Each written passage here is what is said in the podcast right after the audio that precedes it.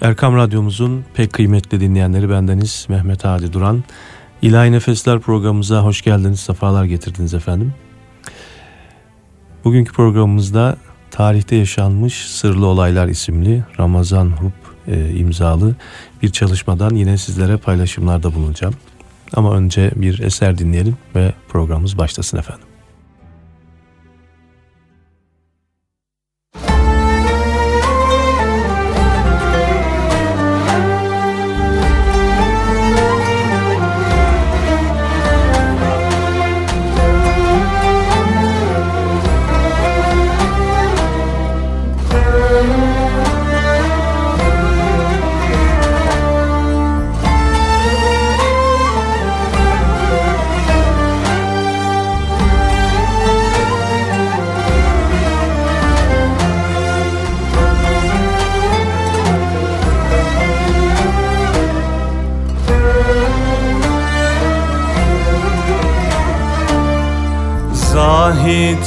Bizi tan eyleme Hak ismin okur dilimiz.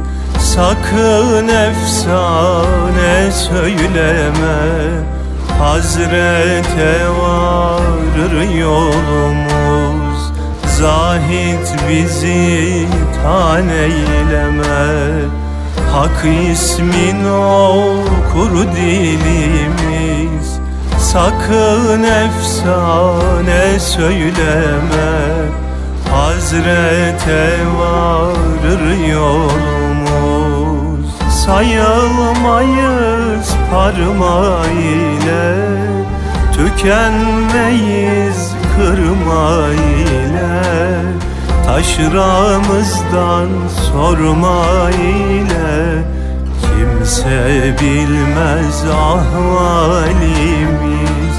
Sayılmayız parmağıyla Tükenmeyiz kırma ile Taşramızdan sorma ile Kimse bilmez ahvalimiz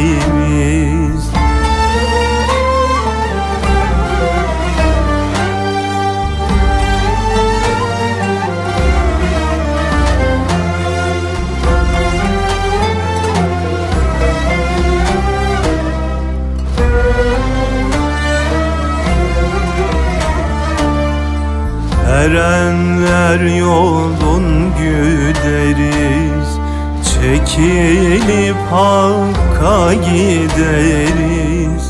Gazayı ekber ederiz İmam Ali'dir ulumuz. Erenler yolun güderiz Çekilip Hakk'a gideriz. Gazayı ekber ederiz İmam Ali'dir oğlumuz Erenlerin çoktur yolu. Cümlesine dedik beli Gören bizi sanar deli Musludan yedir delimiz Erenlerin çoktur yolu. Cümlesine dedik beli Gören bizi sanar deli. Usludan yedir delimiz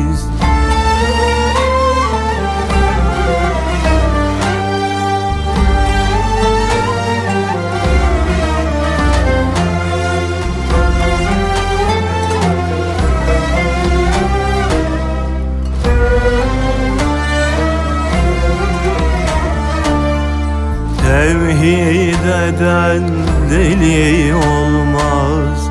Allah diyen mahrum kalmaz. Her seher açılır solmaz. Bahara erer günümüz. Tevhid eden deli olmaz. Allah diyen mahrum kalmaz. Her seher açılır solmaz Bahara erer günümüz. Muhyi ola sana himmet Aşık isen cana minnet. Cümle alemlere rahmet Saçar şu yolsul elimiz Muhyi ola sana himmet Aşık isen cana minnet. Cümle alemlere rahmet Saçar şu yoksul elimiz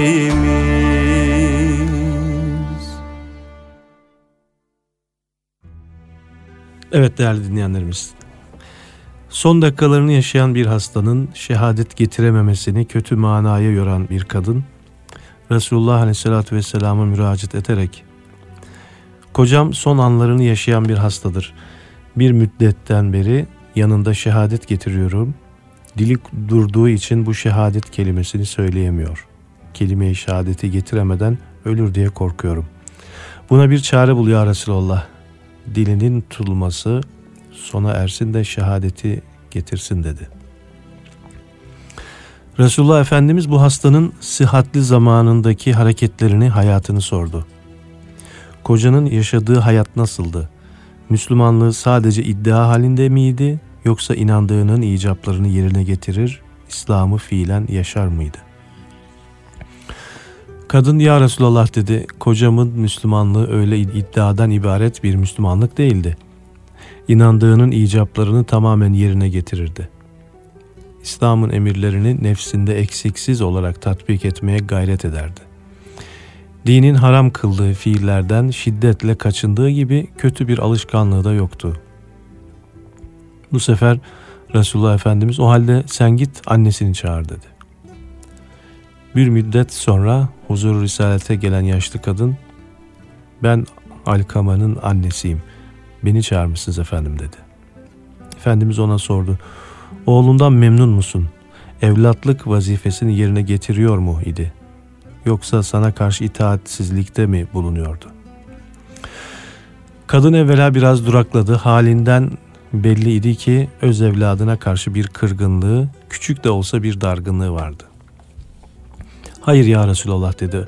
Oğlum çok iyi, bana karşı itaat ve hürmette kusur etmezdi. Nedense bu saygıyı onu evlendirinceye kadar devam ettirdi. Ancak evlendikten sonra ailesinin sözüne bakarak bana karşı tutum ve tavrını iyice değiştirdi. Bu yüzden kalbimde oğluma karşı bir kırıklık vardır. Üzgün ve yaşlı annenin bu ifadesinden işin iç yüzünü anlayan Efendimiz, ashabına odun toplayarak büyük bir ateş yakmaları için emir verdi. Kadın merakla sordu, ateşi niçin yaktırıyorsun ya Resulallah? Efendimiz cevap verdi, oğlunu yakmak için. Neden yakmak istiyorsun ya Resulallah diye sorunca, çünkü hanımının teşvikiyle anasını darıltıp ailesinin haksız vesvesesi ile veli nimetini küstürenleri Cenab-ı Hak cehenneminin şiddetli ateşinde uzun müddet yakacaktır. Sen hakkını helal etmezsen oğlun da aynı şiddetteki azaba düçar olacağından ben burada onu dünya ateşiyle yakayım da cehennemin o şiddetli azabından kurtulsun. Bu sözleri annenin merhamet ve şefkatini harekete getirmeyi düşünen Resulullah Nihayet kırgın ve dargın anneden şu sözleri duyar. Ya Resulallah ben hakkımı helal ediyorum. Ciğerpare yavrumun ne dünyada ne de ahirette ateşte yanmasına, azap çekmesine gönlüm razı değil. Annenin oğluna hakkın helal etmesi üzerine Resul Ekrem Efendimiz ashabtan Bilal Habeşi ve Selman Farisi ile birlikte diğer zevatı Alkame'nin yanına göndererek gidin bakın dilindeki bağ çözüldü mü diye sorar. Ziyaretçiler evin önüne geldiklerinde Alkama'nın kelime-i şehadet getirerek ruhunu teslim ettiğini görürler. Son sözü şehadet kelimesi olan Alkama'nın cenazesinde hazır bulunan Resulullah, mezarlıkta Müslümanları ikaz ederek aile sözü ile ebeveynini darıltanların kelime-i şehadetten mahrum kalabileceklerini beyan buyurur. Efendim bir eser dinleyelim sonra programımız devam etsin inşallah.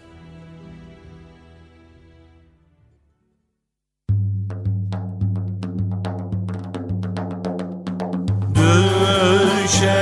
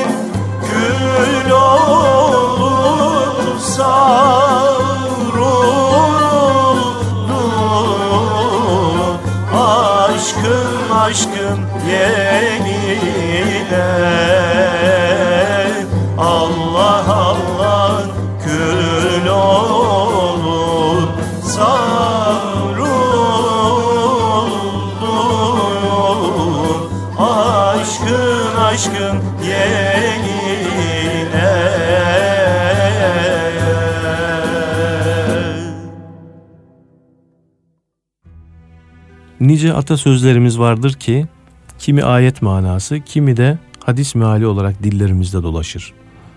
İşte bunlardan biri de ulu sözü tutmayan ulur vecizesidir. Hem ayet hem de hadis manasına uygun olarak pek doğru bir sözdür.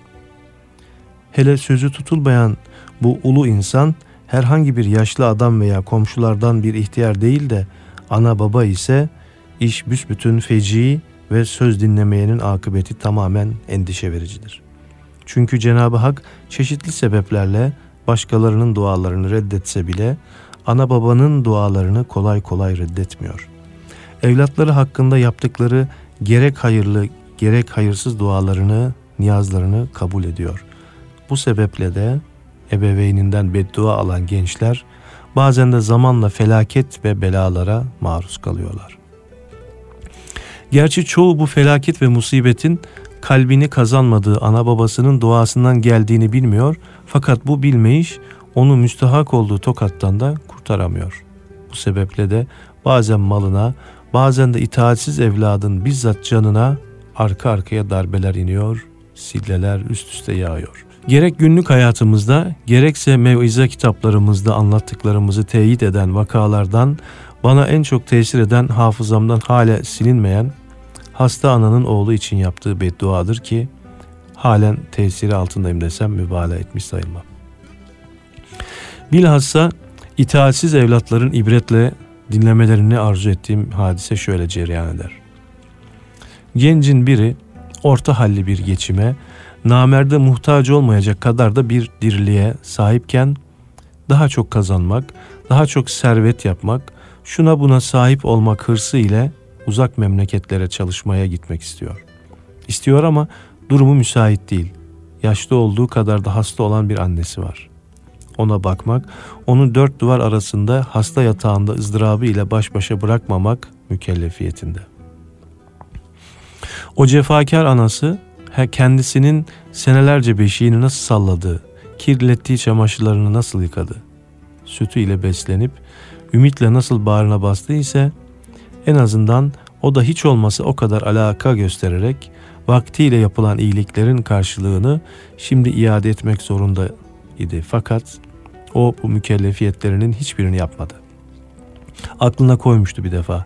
Çok daha kazanacak, daha lüks bir hayat yaşayacaktı. Bu hırs ona evlatlık vazifesini unutturmuştu. Anası ona oğlum beni bu halde bırakıp nereye gideceksin? Gel bu sevdadan vazgeç. Hem de namerde muhtaç olmayacak kadar ekmeğimiz var. Şunun şurasında benim üç günlük ömrüm kaldı. Ben seni bu hale getirinceye kadar bunca eza ve cefalarına tahammül ettim. Ahir ömrümde sen de benim birkaç günlük zahmetime katlan da beni şu kara toprakların altına verdikten sonra istediğin yere git diye yalvardıysa da genç bir defa aklına koymuştu. İlle de gideceğim diye ısrar ediyordu.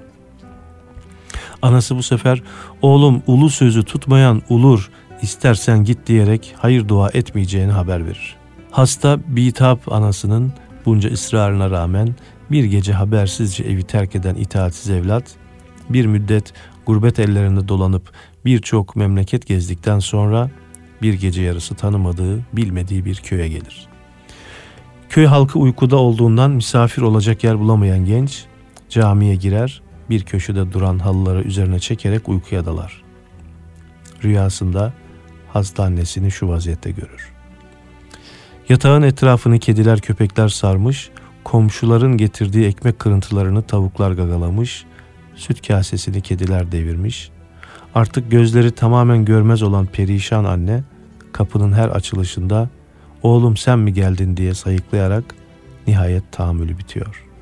Yorganın altından güç bela çıkarabildiği ellerini semaya doğru açarak İlahi oğlum sen beni ahir ömrümde nasıl perişan ettiysen Allah da seni öyle perişan etsin. Benim gibi senin de iki gözün elinden alınsın da anlayasın insanlığın ne demek olduğunu diyor. Anasının bu duası karşısında korku ve heyecan içinde uyanan genç caminin kapısından gürültüler geldiğini işitir. Kulak vererek dinler ki durum feci.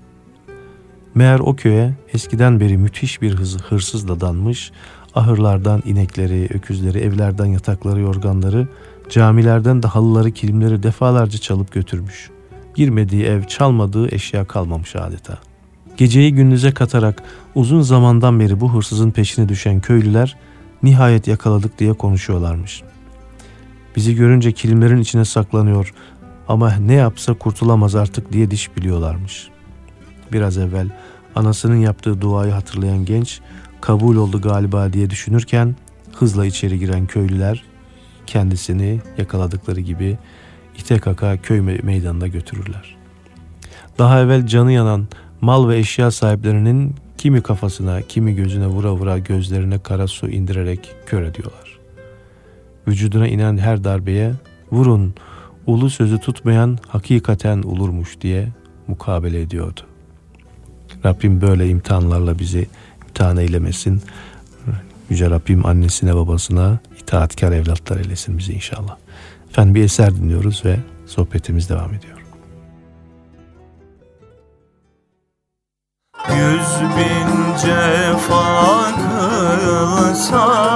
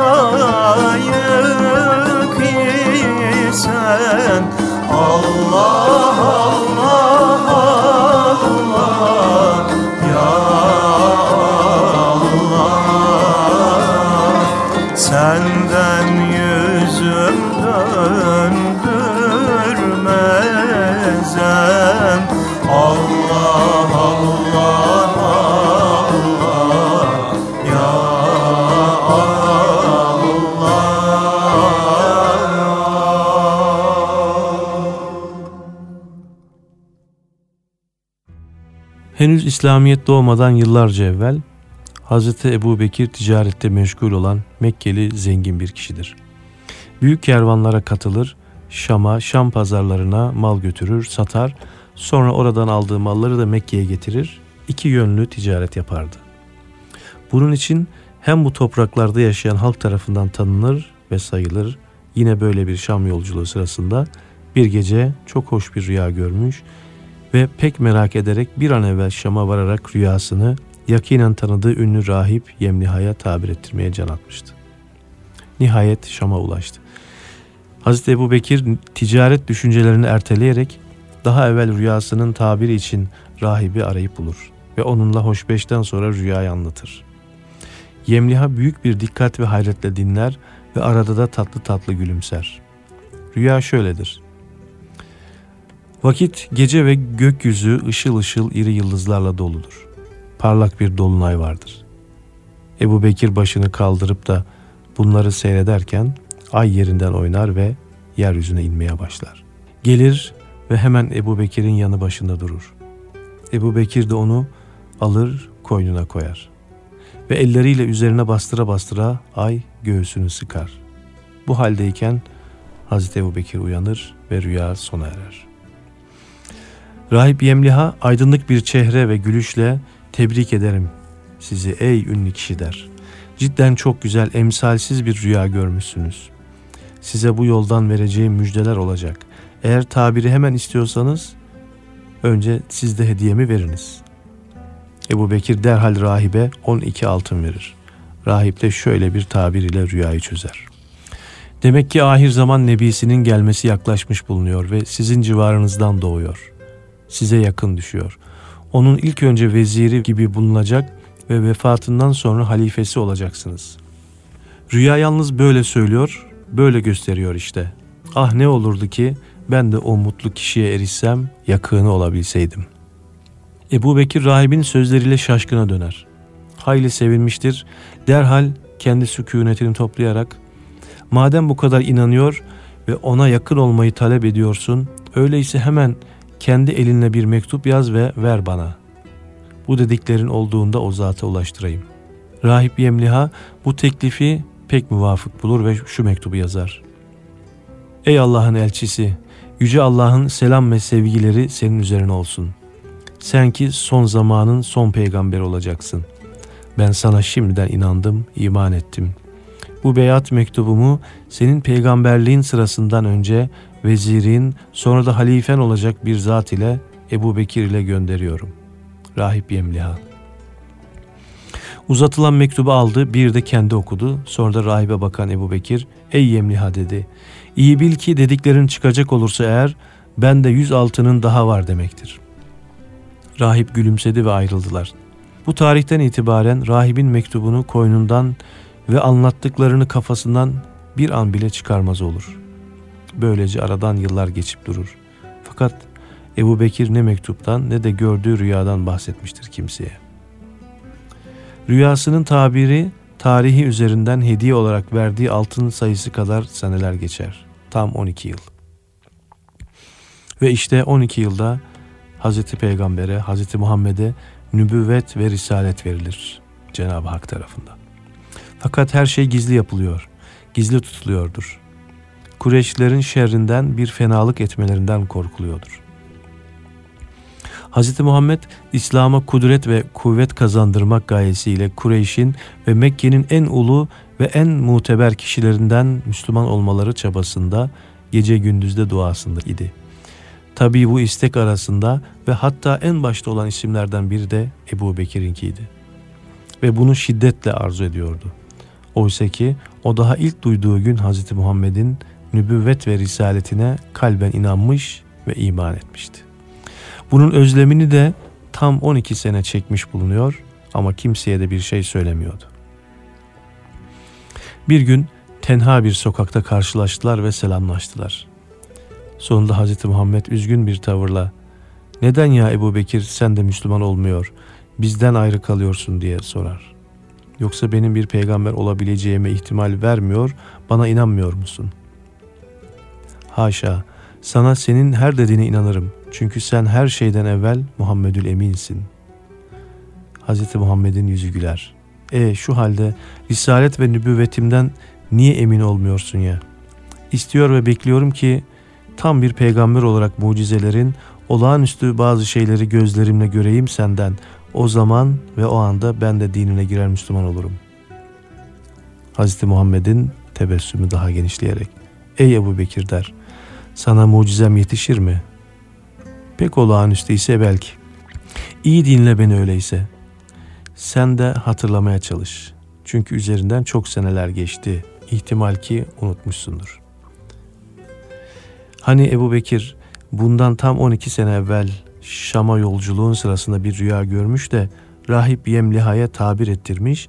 Bunun içinde kendisine tam 12 altın hediye etmiştin. Hazreti Ebu Bekir titriyor ağzını açıp bir şey söyleyemiyordu. Hazreti Muhammed ise üst üste devam ediyordu mucizeler sıralamaya. Hani ya Ebu Bekir, Yemliha da sana bir mektup yazıp vermişti ahir zaman peygamberine vermen için. Rahip bu mektubunda peygambere selam ve saygılar ediyor, daha o zamandan kendisine inandığını ve iman ettiğini yazıyordu. Orada senin içinde bazı kayıtlar ve işaretler vardı hatırlıyor musun? Bütün bunlar Hazreti Ebu Bekir'in hiçbir zaman hatırından çıkmış olaylar değildi ama şu anda duyduğu şaşkınlıktan ve tir tir titremekten ağzı açıp bir şey söylemeye mecal bulamamıştı. Hani ya Ebu Bekir o mektubu okuduktan sonra Yemliha'ya eğer bu dediklerin olursa iyi bil ki benden yüz altın daha alacağım bulunacak diye bir vaatte bulunmuş. Mektubu da göğsünün tam şurasına koyup saklamıştın. Hala orada duruyor değil mi? Hazreti Ebu Bekir'in titremesi ve şaşkınlığı o anda geçmiş, etrafta duyulması bahasına da olsa gür bir sesle şehadet getirmişti. Eşhedü en la ilahe illallah ve eşhedü enne Muhammeden abduhu ve resulü. Sonra da Yemliha'nın mektubunu göğsünden çıkartarak alınız ya Resulullah emanetinizi dedi. Ben bunun ağırlığını tam 12 sene taşımıştım dedi.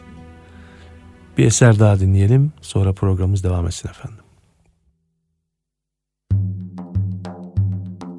Sensin hakkın Habibi Muhammed'sin efendim Gönüllerin tabibi Muhabbetsin efendim Gönüllerin tabibi Muhabbetsin efendim.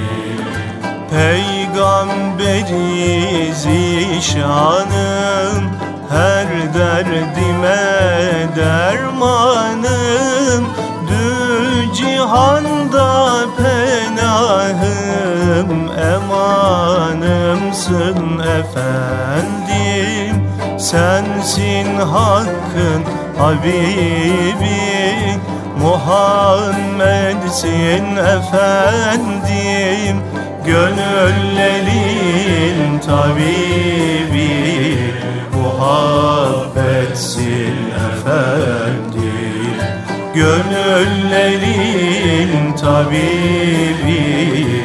Muhabbetsin efendim Habibisin, Habibin, Kerimisin, Kerimin, Latifisin, Latifin, Emanımsın efendim, Sensin hakkın Habibi, Muhammed'sin efendim, Gönüllerin tabibi Muhabbetsin efendim Gönüllerin tabibi Muhabbetsin efendim Hidayetsin asiye Selametsin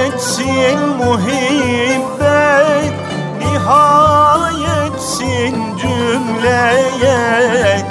Emanımsın efendim Sensin hakkın Habibi.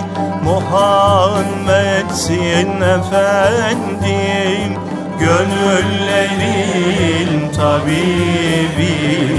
Muhabbetsin efendim Gönüllerin tabibi Muhabbetsin efendim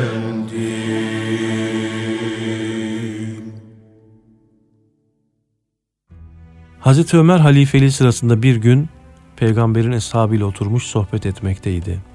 Birden huzuruna üç adam girdi. Bunlardan ikisi aralarına aldıkları üçüncü bir şahsı kollarından sıkı sıkıya yakalamışlardı. Kısas isteriz, kısas diye bağırıyorlardı. Müslümanların adil devlet başkanı durun bakalım dava görülmeden kısas olmaz dedi. Söyleyin bakalım niye yakaladınız bu adamı diye de sordu. İki gençten biri şöyle konuştu. Biz iki kardeşiz. Hayatımızı uğruna her zaman feda edeceğimiz sevgili babamız bugün bahçede hurma toplarken işte bu adamın attığı taşlarla öldü. Biz de kendisini yakalayıp adaletinden emin olduğumuz size getirdik. İsteseydik aynı mukabeleyi yapar, biz de kendisini aynı taşla babamızı öldürdüğü yerde öldürürdük. Fakat senin adaletinden şüphemiz olmadığı için suçluyu huzuruna getirdik. Adalet bekliyoruz dediler. Hazreti Ömer simasında hiç de adam öldürecek bir çehre bulunmayan nur yüzlü o gence sordu. Ne dersin bak seni katillikle itham ediyorlar. Kısas yoluyla idamını istiyorlar. O masum çehreli genç şöyle konuştu. Bunlar doğru söylüyorlar. Yalnız müsaade ederseniz bir de olayı ben anlatayım. Çölleri adeta uçarcasına kat eden bir atım vardı. Onunla en aşılmaz çölleri tez zamanda geçer, akılların alamayacağı kısa bir zaman içinde Kızıldeniz'den Bahreyn'e, Bahreyn'den Kızıldeniz'e uçuşlar gibi uçardım. İşte bu eşsiz atımla gölgelik istirahata çekilmiştim. Haberim olmadan benim küheylan ipinden boşalmış, biraz ilerideki hurma ağacının dallarını yemeye başlamış. Uyandığım zaman yaşlı bir adamın atımı taşladığını gördüm. Nasıl olduysa ihtiyarın attığı bir taş biricik atımın alnına değdiği gibi birden atım yıkıldı ve hemen orada can verdi. Bu hale o kadar üzüldüm ki aniden şok oldum ve ben de elime geçirdiğim aynı taşı o kızgınlıkla ihtiyara fırlattım. Taş hedefini buldu ve zavallı adam yere serildi. Bunlar da beni yakalayarak huzuruna getirdiler. Olay aynen böyle oldu. Gerisini siz bilirsiniz dedi genç. Hazreti Ömer suçunu itiraf ettiğin için kısas lazım gelir buyurdular. Bu söz benim vereceğim hükme razıyım diyen genci düşündürmeye başladı. Kendisini teselli etmek isteyenlere karşı da şu cevabı verdi. Ben bana tatbik edilecek cezayı düşünüyor değilim. Keşke hayatım boyunca işlediğim hataların hepsinin cezası dünyada verilse, ahirete tertemiz çıkabilsem. Şu anda düşündüğüm küçük kardeşimin emanetidir. Babam vefat ederken onun için bir miktar para ayırmıştı. Bana vererek büyüyünce kendisine teslim etmek üzere saklamamı emretmişti. Ben de onun parasını yerine ancak benim bildiğim bir yere saklamıştım. Şimdi siz beni burada idam edecek olursanız küçük kardeşimin emaneti üzerimde borç kalır. Hem o perişan olur hem de ben emaneti sahibine vermemek sorumluluğuna girerim. Beni düşündüren işte bu meseledir.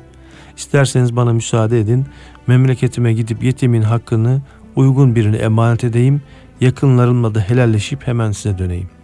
Masum Çehrili bu gencin teklifine dava sahipleri razı olmak istemeseler de mecliste hazır bulunan ünlü sahabi Ebu Zer, bu simada yalan söyleyecek bir işaret görmüyorum. Bırakın gitsin, üç gün içinde gelmezse yerine beni cezalandırın. Ben kefil oluyorum dedi.'' Bu kefalet üzerine genci serbest bıraktılar. Bir anda oktan fırlayan yay misali ortadan kaybolan genç, emaneti yerine iade etmek niyetiyle çöllere doğru yaya olarak uçup giderken arkasından konuşmaları başladı. Kendisini kurtardı artık gelir mi hiç? Hayır gelir. O bütün his ve duygularıyla dinine bağlı, samimi bir insan. Kendini huzur ilahide mesul etmek istemediği için mutlaka geleceğine inanıyorum. Ebu Zer ise hiçbir telaş ve heyecan eseri görülmüyordu. Siz üzülmeyin, gelmezse ben kefilim. Yerine beni cezalandırırsınız diyerek neticeyi beklemeye başladı. Verilen üç günlük mühletin bitimi yaklaştıkça dava sahipleri ileri geri konuşmayı fazlalaştırmışlardı. Hatta bir ara ya Ebazer gördün mü vakit yaklaştığı halde hala meydanda kimseler yok. Kısas hakkımızı almadıkça yerimizden ayrılmayız diye tehditte bulunmuşlardı. Hazreti Ömer ise kefil olduğunuz genç gelmez ise Allah şahit olsun ki Ebazer adaletin gereği mutlaka yerine getireceğim diyordu. Ebazer ashab-ı kiramın ileri gelenlerindendi. Nihayet vakit dolup beklenen saat tamam oldu. Genç ortalarda görünmüyordu. Ebu Zer'in yerinden kalkarak ceza için hazırlığa başladığı görüldü. Tam bu sırada da uzaktan toz duman içinde bir adamın koşarak gelmekte olduğu söylendi. Bir müddet sonra nefes nefese gelen delikanlı meclise girerek özür dilercesine konuştu. Küçük kardeşimi dayıma teslim ettim. Paraların bulunduğu yeri de ona gösterdikten sonra yola çıktım hiç dinlenmeden yol aldığım halde ancak yetişebildim. Görüyorsunuz ya hava çok sıcak, çöllerde devamlı yol almak da pek kolay olmuyor. Suçlunun geri döneceğine bir türlü inanmayanlar şimdi hayretler içinde kalmışlardı. Ebu Zer'e bu soylu gencin kim olduğunu daha önce tanıyıp tanımadığını sordular. O da bu genci tanımam, kefil oluşum onu bildiğimden değildir. Devlet başkanının huzurunda ve ashab-ı kiramın arasında benden yardım isteyen bir insana hayır demek benim için çok ağır gelirdi. Onun için reddetmedim. Hem de bu simada yalancılık işareti görmedim. Gencin ve Ebazer'in bu üstün fedakarlıkları karşısında kalpleri yumuşayan davacı gençler, madem onlar sözünde durarak kendilerini kahramanca adaletin hükmüne feda etmek cesaretini gösterdiler, biz de davamızdan vazgeçiyor ve bu iki fazilet kahramanını tebrik ediyor, katilin tecziyesini istemiyoruz dediler. Ve böylece kısas hakkından vazgeçerek işi tatlıya bağladılar. Efendim bir eser daha dinliyoruz.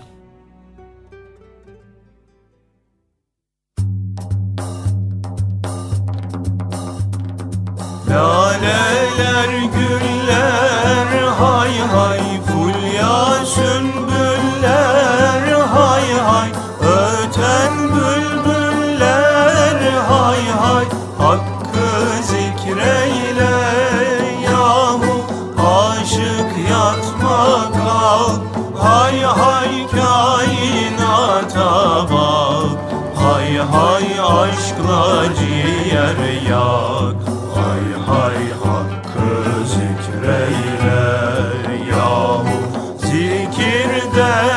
şey hay hay Feryat eder ney hay hay. Aşk tacını gey hay hay. Hakkı zikreyle yahu Zahid secdede Hay hay meczubu cezbede Hay hay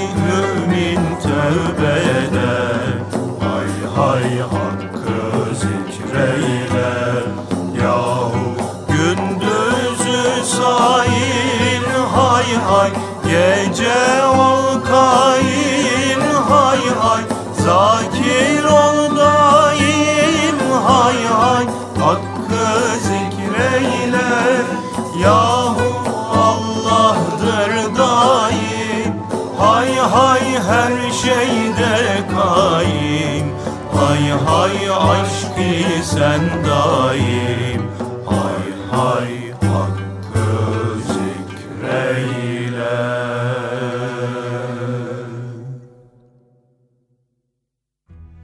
Bir cuma günü Hazreti Ömer Medine'de Mescid-i Nebevi'de cuma hutbesi okuyordu. Dünyanın ve öteki alemin hikmetleri üzerinde duruyordu. Hutbe arasında şöyle bağırdı. Ey Sariye, dağa bak, dağa bak. Sariye, Hazreti Ömer'in İslam ordusuyla İran tarafına savaşa gönderdiği bir kumandandı. O gün muharebe yapılan yerde bir dağın eteğinde konaklanmıştı. Müslümanlar istirahat ederken kafirler dağın arkasından gelip Müslümanları gafil avlamak istediklerinde Allah Hazreti Ömer'in gözündeki perdeyi kaldırıp bir aylık mesafedeki muharebe yerini gösterir. Bu yüzden de Hazreti Ömer'e İslam askerinin gafletini ve dağ arkasından düşmanın hücum edeceğini görerek ''Ey Sariye dağa bak'' diye üç defa bağırdı. O sırada cemaat arasında Hazreti Ali de vardı. Hazreti Ömer'in lüzumsuz bir söylemeyeceğini bildiği için onun bu sözü sarf ettiği tarihi defterine kaydetti. Hazreti Ömer tekrar hiçbir şey olmamış gibi yine hutbesine devam etti ve hutbeyi bitirdikten sonra minberden indi. Sahabenin önüne geçip Allahu Ekber diyerek tekbir aldı ve coşkun bir vecd içinde namazı kıldırdı. Namazdan sonra herkes Mescid-i Nebevi'den çıktılar.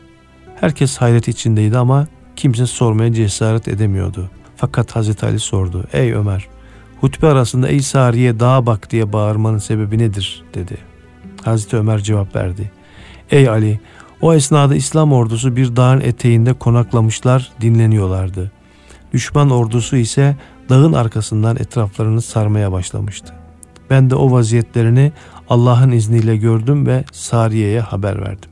Hazreti Ali hayretler içinde tekrar sordu. Acaba İslam askeri kafirlerin elinden kurtulabildi mi? Hazreti Ömer inşallah kurtulmuştur diye cevap verdi. Herkes evine gitti. Bir müddet sonra Nihavent'te İranlılarla savaşmaya giden ordu muzaffer olarak Medine'ye döndü. Kumandan Sariye muharebedeki hadiseleri anlatırken bu hadiseden de şöyle bahsetti. Ey müminlerin emiri bir cuma günü İran ordusuyla savaşmak için bir dağın eteğinde konaklamıştık. Askerler dinleniyorlardı. Tam bu sırada ey Sariye dağa bak diye bir ses duydum. Hemen arkama baktım.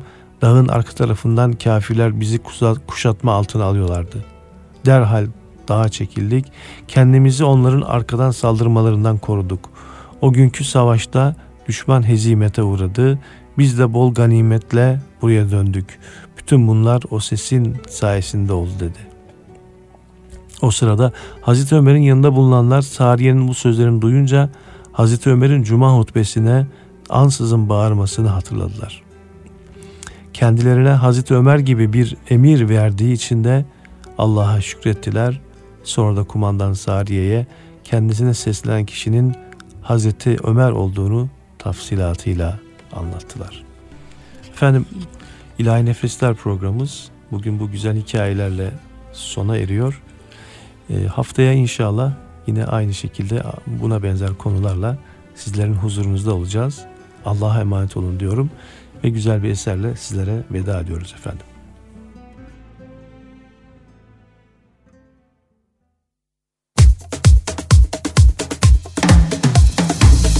Can bulacağın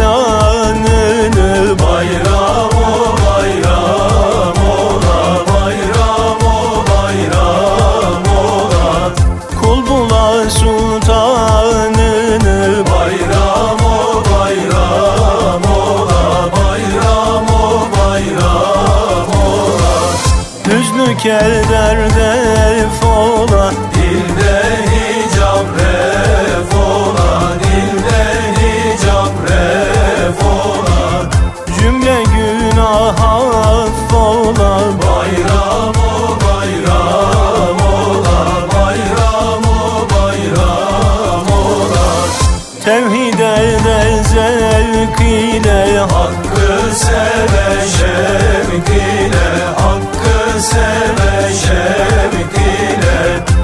Tasdik ederse dile Bayram